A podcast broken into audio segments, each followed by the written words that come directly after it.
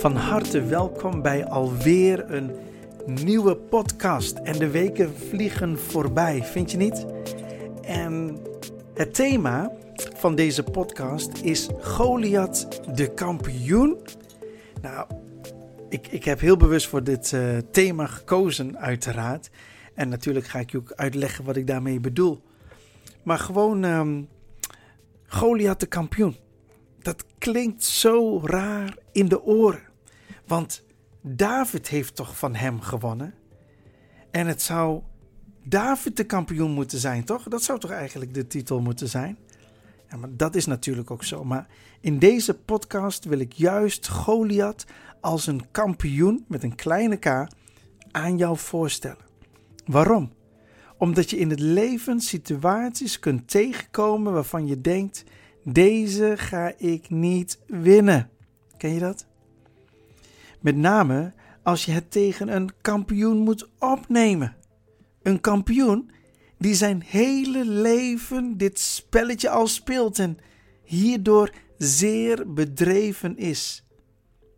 Goliath kan op zulke momenten overkomen als een kampioen in ons leven.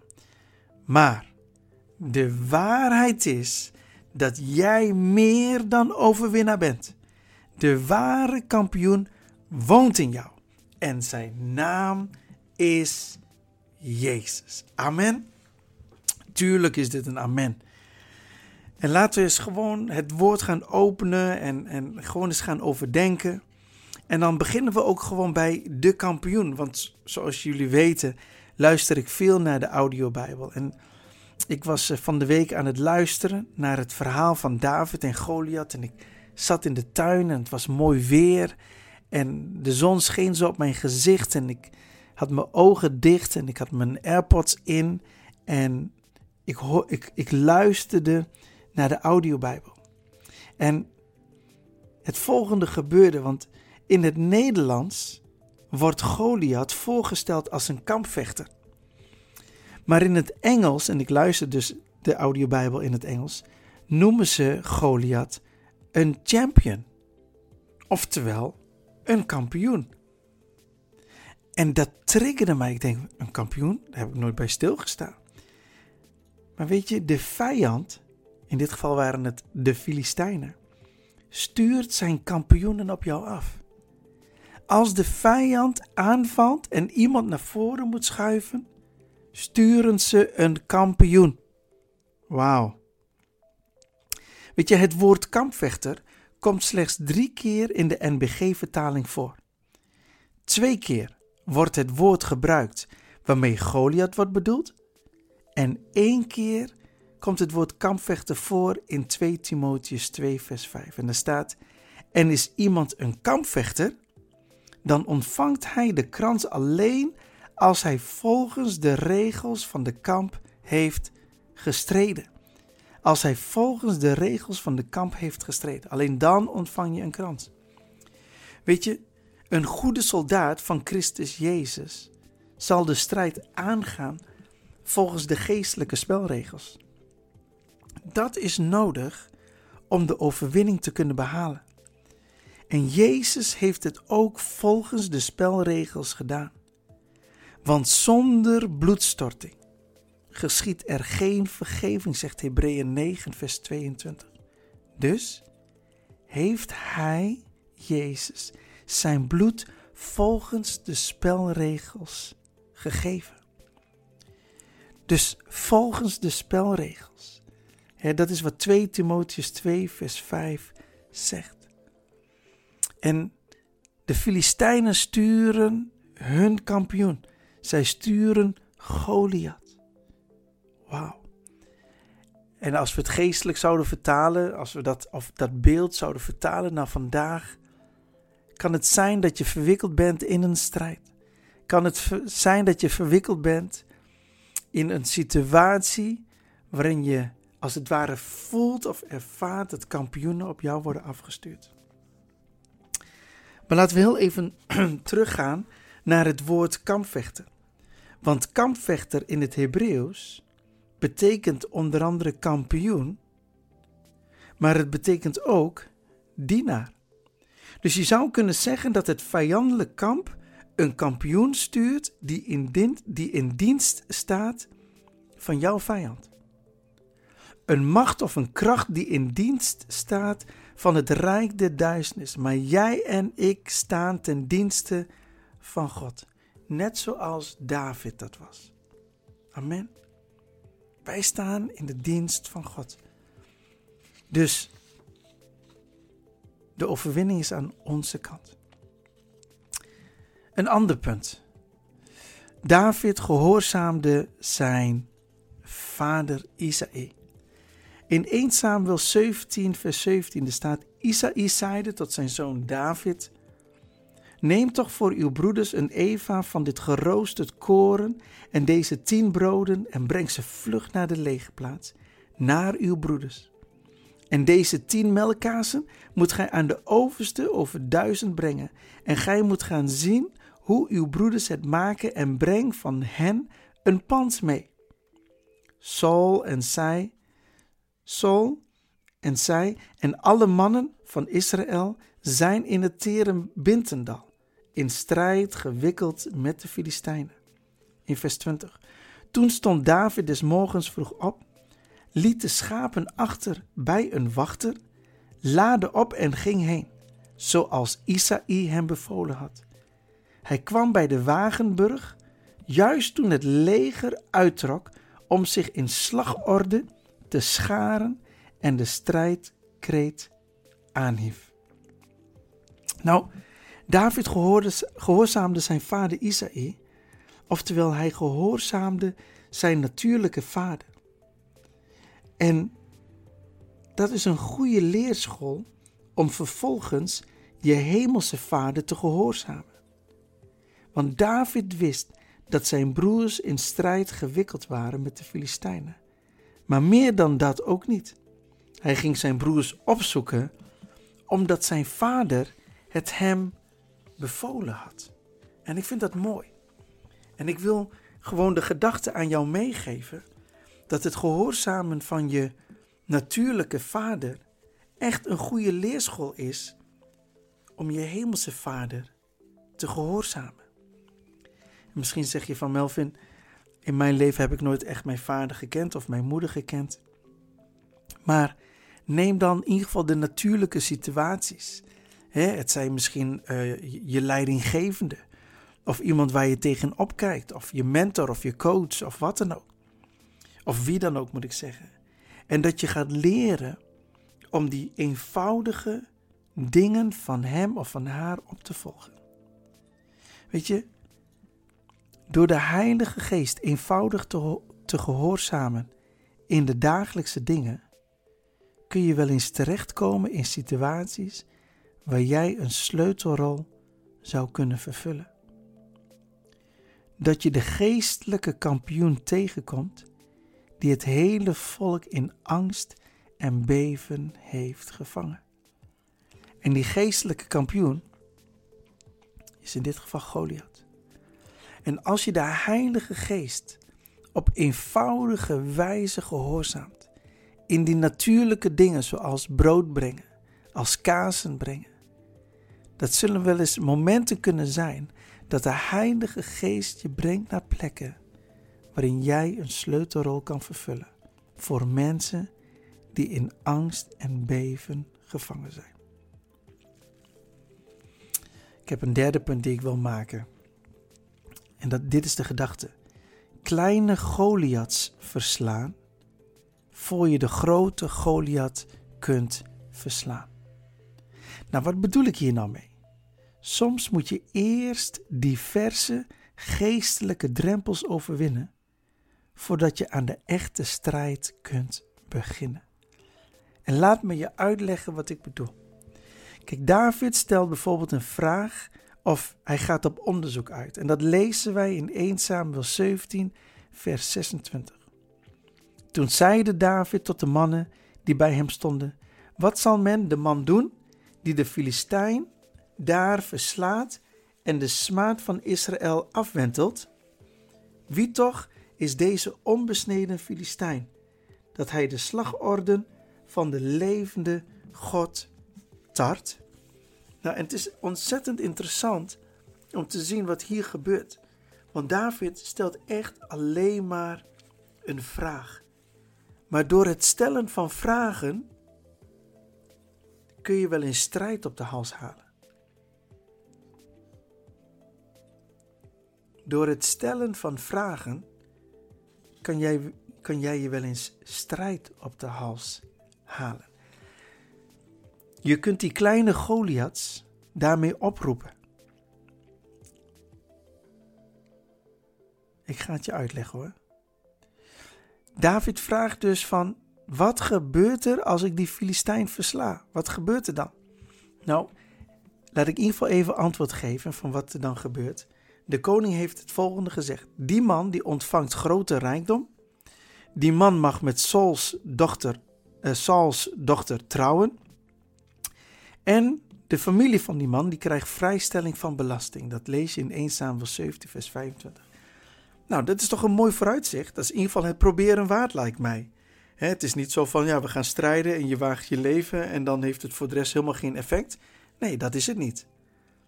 Met andere woorden, er is een, een krans die je kan verdienen. Net zoals wij net hebben gelezen in 2 Timotheus 2, vers 5. En zo staat er ook een beloning voor degene die Goliath gaat verslaan. Nou, die kleine Goliaths waar ik het net over had, die ga ik concreet maken voor je door eerst te lezen vanuit 1 Samuel 17, vers 28. Toen Eliab, zijn oudste broer, David met de mannen hoorde spreken, werd hij toornig op hem en hij zeide: Waarom zijt gij eigenlijk gekomen? En bij wie hebt gij die paar schapen daar ginds in de woestijn achtergelaten? Ik ken uw overmoed en de boosheid van uw hart. Gij zijt gekomen om de strijd te zien. Toen ik deze teksten las, toen kwamen drie kleine Goliaths zo naar voren. En ik begin met de eerste. De oudste broer werd toornig op David. En nogmaals, David stelde alleen maar een vraag. En wat je merkt is dat er een soort kleine Goliath opstaat. Dat je omgeving, in dit geval de broer, boos wordt om niets. Ken je dat? Dat misschien familie, vrienden, anderen die om je heen staan, dat ze boos worden om niets, omdat je alleen maar een vraag stelt? Dat zo'n kleine Goliath opstaat? Denk daar eens over na. De tweede kleine Goliath. De vraag wordt gesteld door de broer van David: bij wie zijn die paar schapen? Door deze opmerking te maken, zie je dat de broer op David, op David neerkeek. Zo van die paar schapen waar jij op moet letten, waar zijn die dan? Maar ook wel, kijk, als je, als je nagaat dat God David achter de schapen heeft klaargestoomd om later koning te worden. Kijk, die broer zegt gewoon van waar zijn die paar schapen? Alsof hij neerkijkt op het verleden van David. Alsof hij neerkijkt op het proces van David.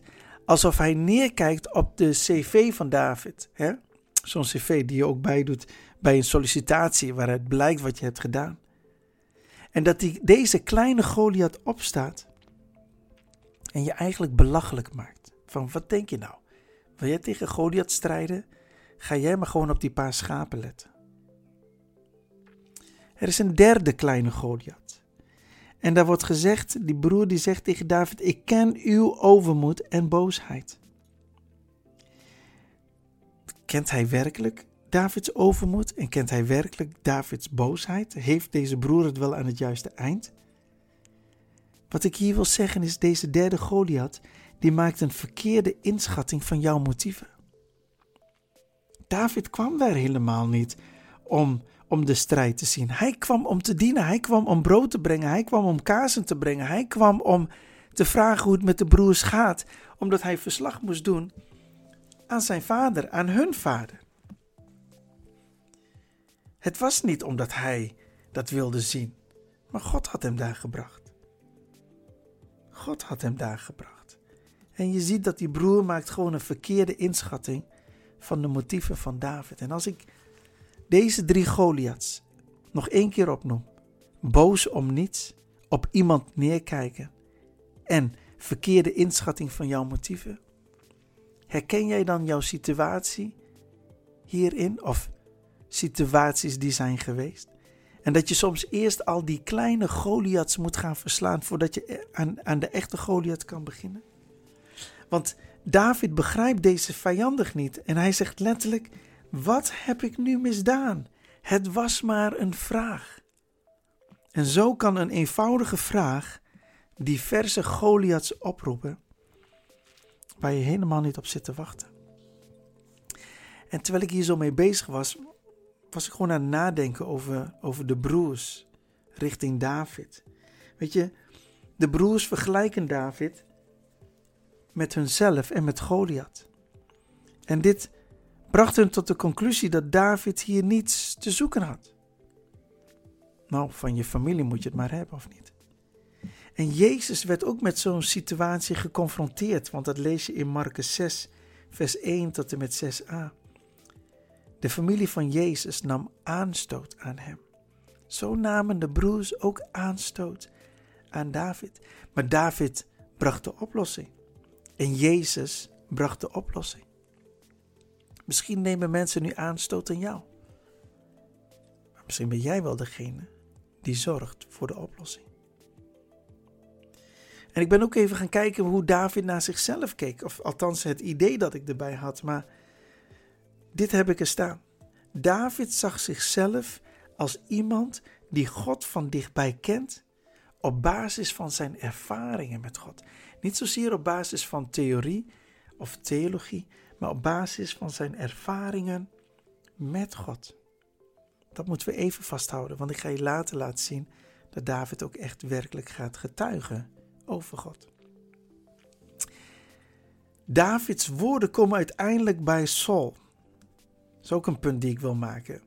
Want in 1 Samuel 17, vers 31, daar lezen we: De woorden die David gesproken had, had werden opgemerkt. Zie, werden opgemerkt. En men bracht ze aan Saul over. En deze liet David halen.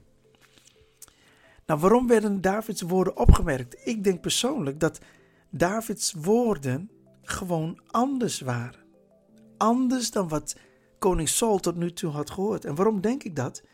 Nou, omdat in 1 Samuel 17, vers 24, daar staat: Toen alle mannen, dus dat is het leger van Israël, toen alle mannen van Israël de man zagen, de Goliath zagen, sloegen zij voor hem op de vlucht en vreesden zeer. Toen ze alleen maar de man zagen. Je moet je voorstellen, het volk, nee, het leger van Israël zijn getrainde mannen, getraind om te strijden. En zij zagen alleen maar de man en sloegen voor hem op de vlucht en vreesden zeer als deze mannen al vreesden.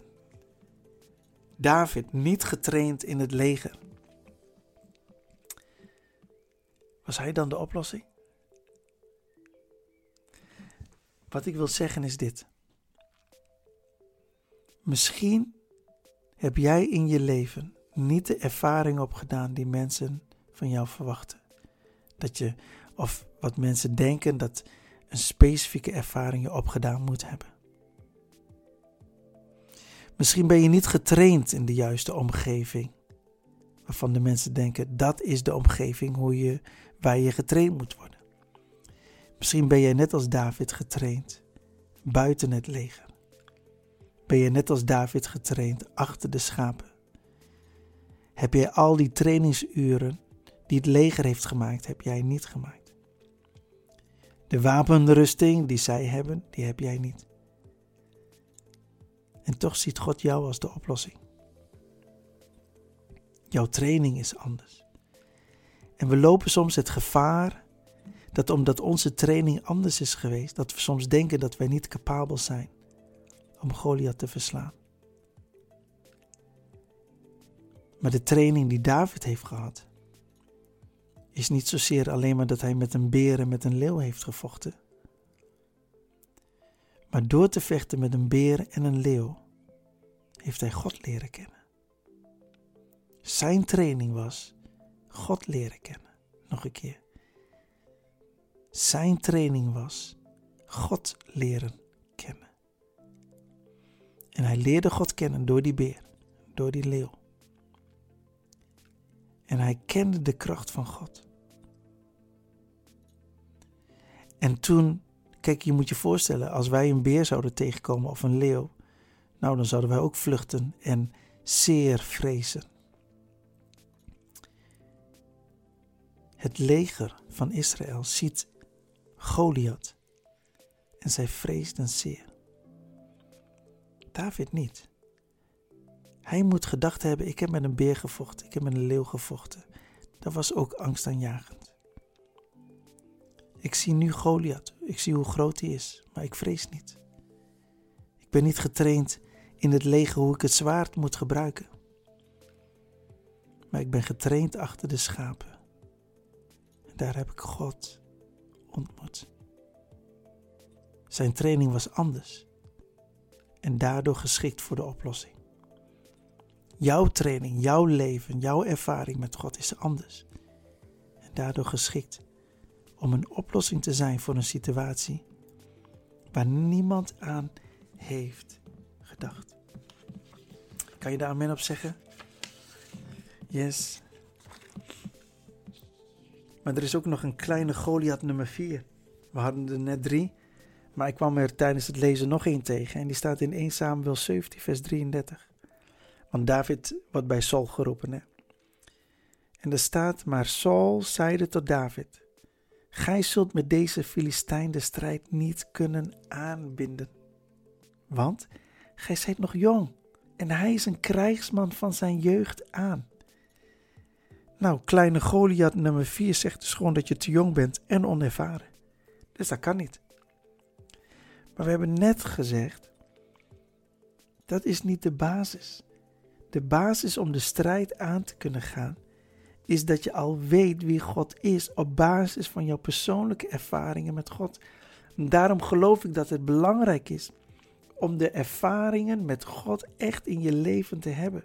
En ze als het ware als trofeeën in je leven recht overeind te zetten. Een ander woord voor trofee is een getuigenis. Want zonder die getuigenissen heb je niet de ervaring met God. En, en dan weet je ook niet wat, waartoe God in staat is als je je Goliath ontmoet. In 1 Timotheus 4 vers 12 staat, niemand schatte u gering om uw jeugdige leeftijd. Maar wees een voorbeeld voor de gelovigen in woord, in wandel, in liefde, in geloof en in reinheid. Niemand schatte u gering om uw jeugdige leeftijd. Dat deden ze bij David wel. Maar wees een voorbeeld. Zie, dus eigenlijk leren we hier ook dat een voorbeeld zijn niet zozeer aan iemands leeftijd is gebonden, maar een voorbeeld zijn is meer gebonden of hij of zij wandelt in lijn met Gods woord en gehoorzaamt en gehoorzaam is aan de Heilige Geest. Dat is wel iets om over na te denken. David is daarbij Saul en hij getuigt over zijn God. En er staat in 1 Samuel 17, vers 34. David echter zeide tot Saul: Uw knecht was gewoon voor zijn vader de schapen te. Kwam er een leeuw of een beer die een schaap uit de kudde, uit de kudde wegroofde, dan liep ik hem na, sloeg hem en redde het uit zijn muil. Als hij zich dan tegen mij keerde, greep ik hem bij zijn baard en sloeg hem dood. Zowel leeuw als beer heeft uw knecht verslagen. En deze onbesneden Filistijn zal het vergaan als een van deze. Omdat hij de slagorden van de levende God getart heeft. Ook zeide David, de Heer die mij gered heeft uit de klauwen van leeuw en beer hij zal mij ook redden uit de hand van deze Filistijn. En Saul zeide tot David, ga, en de Heere zal met u zijn. Zie je wat David doet? Hij bouwt zijn geloof op. Hij bouwt het geloof van Saul op. Hij overtuigt Saul dat de levende God werkelijk een levende God is. En dat hij die ervaring heeft. En dat hij begint te vertellen wie God is voor hem. En hij zegt: Hij zal mij ook redden uit de hand van deze Filistijn. In Openbaring 12, vers 11, daar staat: En zij hebben hem overwonnen door het bloed van het lam en door het woord van hun getuigenis. En dat is wat David deed. En zij hebben hun leven niet lief gehad tot in de dood. Het bloed van het lam en het woord van hun getuigenis. Wauw. Is dat niet mooi? In Efesius hoofdstuk 6, ik ga dat niet lezen, maar dan lees je gewoon een stuk over de wapenrusting. Maar ik wil ook gewoon even heel kort benoemen dat een wapenrusting is één. Maar je moet nooit met een wapenrusting ten strijde gaan die je niet kent, die je niet hebt getest, die je niet hebt getoetst. In 1 Samuel 17, vers 38 staat namelijk dit. Toen kleedde Saul David in zijn wapenrok, zette hem een koperen helm op het hoofd en deed hem een panzer aan. En David gorde zijn zwaard aan over zijn wapenrok. En hij deed moeite om te lopen, want hij had het nog nooit, en daar komt hij, nog nooit beproefd. Toen zeide David tot Saul: Ik kan hierin niet lopen, want ik heb het nog nooit beproefd. Weet je, om de wapenrusting die God jou heeft gegeven goed te kunnen gebruiken, moet je trainen. Je moet met de wapenrusting trainen. Niet met andermans wapenrusting, maar gewoon met je eigen. Je eigen gaven, talenten, competenties enzovoort.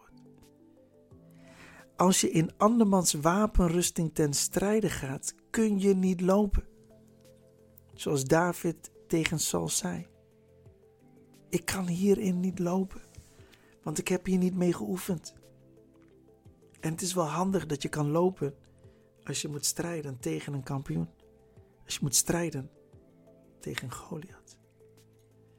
En de wapenrusting van David was anders dan die van Saul. De slinger was zijn wapenrusting. Zijn zekerheid was God. Weet je, en, en David is zich heel erg bewust van de wapenrusting. Kijk, als je erover nadenkt, dan is het best raar dat David de wapenrusting van Goliath benoemt en die van zichzelf. Want je zou kunnen denken, wat is dat nou voor een onzin? Er moet gewoon geknokt worden. Maar laten we er toch even bij stilstaan, want dat lezen we namelijk in 1 Samuel 17, vers 45. Er staat dit. Maar David zeide tot de Filistijn: Gij treedt mij tegemoet met zwaard en speer en werpspies, maar ik treed u tegemoet in de naam van de Heere der Heerscharen, de God der slagorden van Israël, die gij getart hebt. Toen ik hierover nadacht, vond ik het best wel raar. Waarom ga je de wapens van je tegenstander noemen? Nou, David noemt hier de natuurlijke wapens van Goliath. Vervolgens zegt hij niet: En ik heb een slinger bij me. Nee, hij zegt: Ik kom in de naam van de Heere der Heerscharen, de God der slagorden van Israël. Wauw. Toen ik, dat, toen ik dat las, vond ik dat zo mooi. Want hij gaat een kampioen tegemoet. Hij gaat Goliath tegemoet. Hij is zich bewust van de wapenrusting van zijn tegenstander. En hij kan goed slingeren. Hij is een herder. Maar hij zegt: Jij komt gewoon met een zwaard, een speer en een werpspies. Ik kom in de naam van de Heer. Weet je, in Spreuken 18, vers 10 staat dit. De naam des Heeren is een sterke toren. De rechtvaardige eilt daarheen en is onaantastbaar. De naam des Heeren, als dat over jou is, want het is een sterke toren, maakt jou onaantastbaar. Hij dacht bij zichzelf: Goliath, Moet je eens goed luisteren. Je mag er wel een, zweert, uh, een, zweert, een zwaard en een speer en een werpspies hebben. Maar omdat ik de naam van de Heer heb, ben ik al onaantastbaar. Dus ik weet niet wat je van plan bent, maar je kop gaat eraf. Wauw. Omdat je de naam van de Heer hebt, ben je onaantastbaar. Laten we gaan uitroepen tot God. En in 1 Samuel 17, vers 40, daar lees je dat, dat David vijf stenen neemt en die in zijn herderstas doet.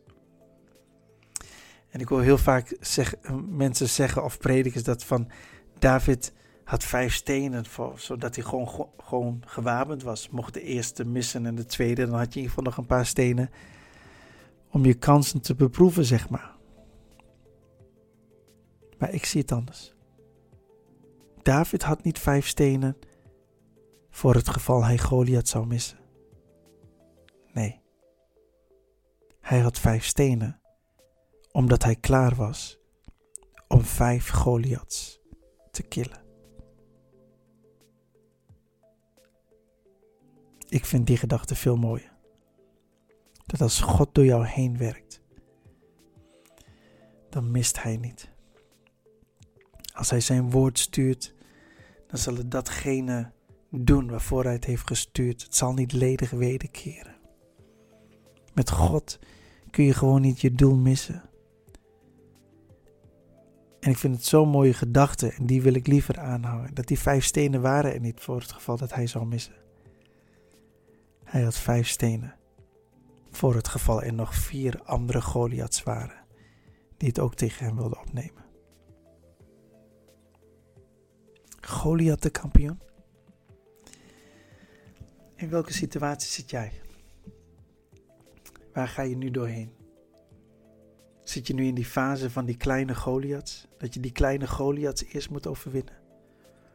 Zit je in een fase dat je denkt, goh, die wapenrusting van een ander, die, dat past mij niet en ik moet meer trainen om mijn wapenrusting te gebruiken? Of zit je in een fase dat het tijd is om de Heilige Geest veel meer, maar ook vooral veel sneller te gehoorzamen dan dat je tot nu toe doet? Zit je in een fase dat, dat je familie, dat ze aanstoot nemen aan jou? Of zit je juist in een fase vol met getuigenissen? En dat je echt hebt ervaren wat God en de Heilige Geest in jouw leven doet en dat je er klaar voor bent om een Goliath te killen? Of kijken ze op je neer vanwege je jeugdigheid? Of ben je juist een voorbeeld ondanks je jong bent? Hoe het ook zij. Sta op. Sta op. Jouw voorbereiding is ook anders dan die van de anderen. En die is misschien niet geweest in het leger. Maar dat maakt jou niet minder capabel. Als je maar komt met de naam van de Heer. Want de naam des Heeren is een sterke toren. De rechtvaardige elt daarheen en is onaantastbaar. Voordat ik deze podcast afsluit, dan wil ik eigenlijk gewoon even iets voorlezen. Ik wil voorlezen wat David eigenlijk tegen de Filistijnen zegt. En ik stel me zo voor dat David richting Goliath loopt, even blijft staan en het volgende zegt. Beste Filistijnen, ik heb begrepen dat jullie je kampioen hebben gestuurd, genaamd Goliath. Zijn naam betekent pracht. Maar ik heb onze kampioen meegebracht, genaamd de Heere der Heerscharen, de God van de slagorde van Israël. Jullie dachten je achter deze kampvechter te kunnen schuilen. Jullie dachten dat jullie veilig waren. Maar voor onze God is niets onmogelijk.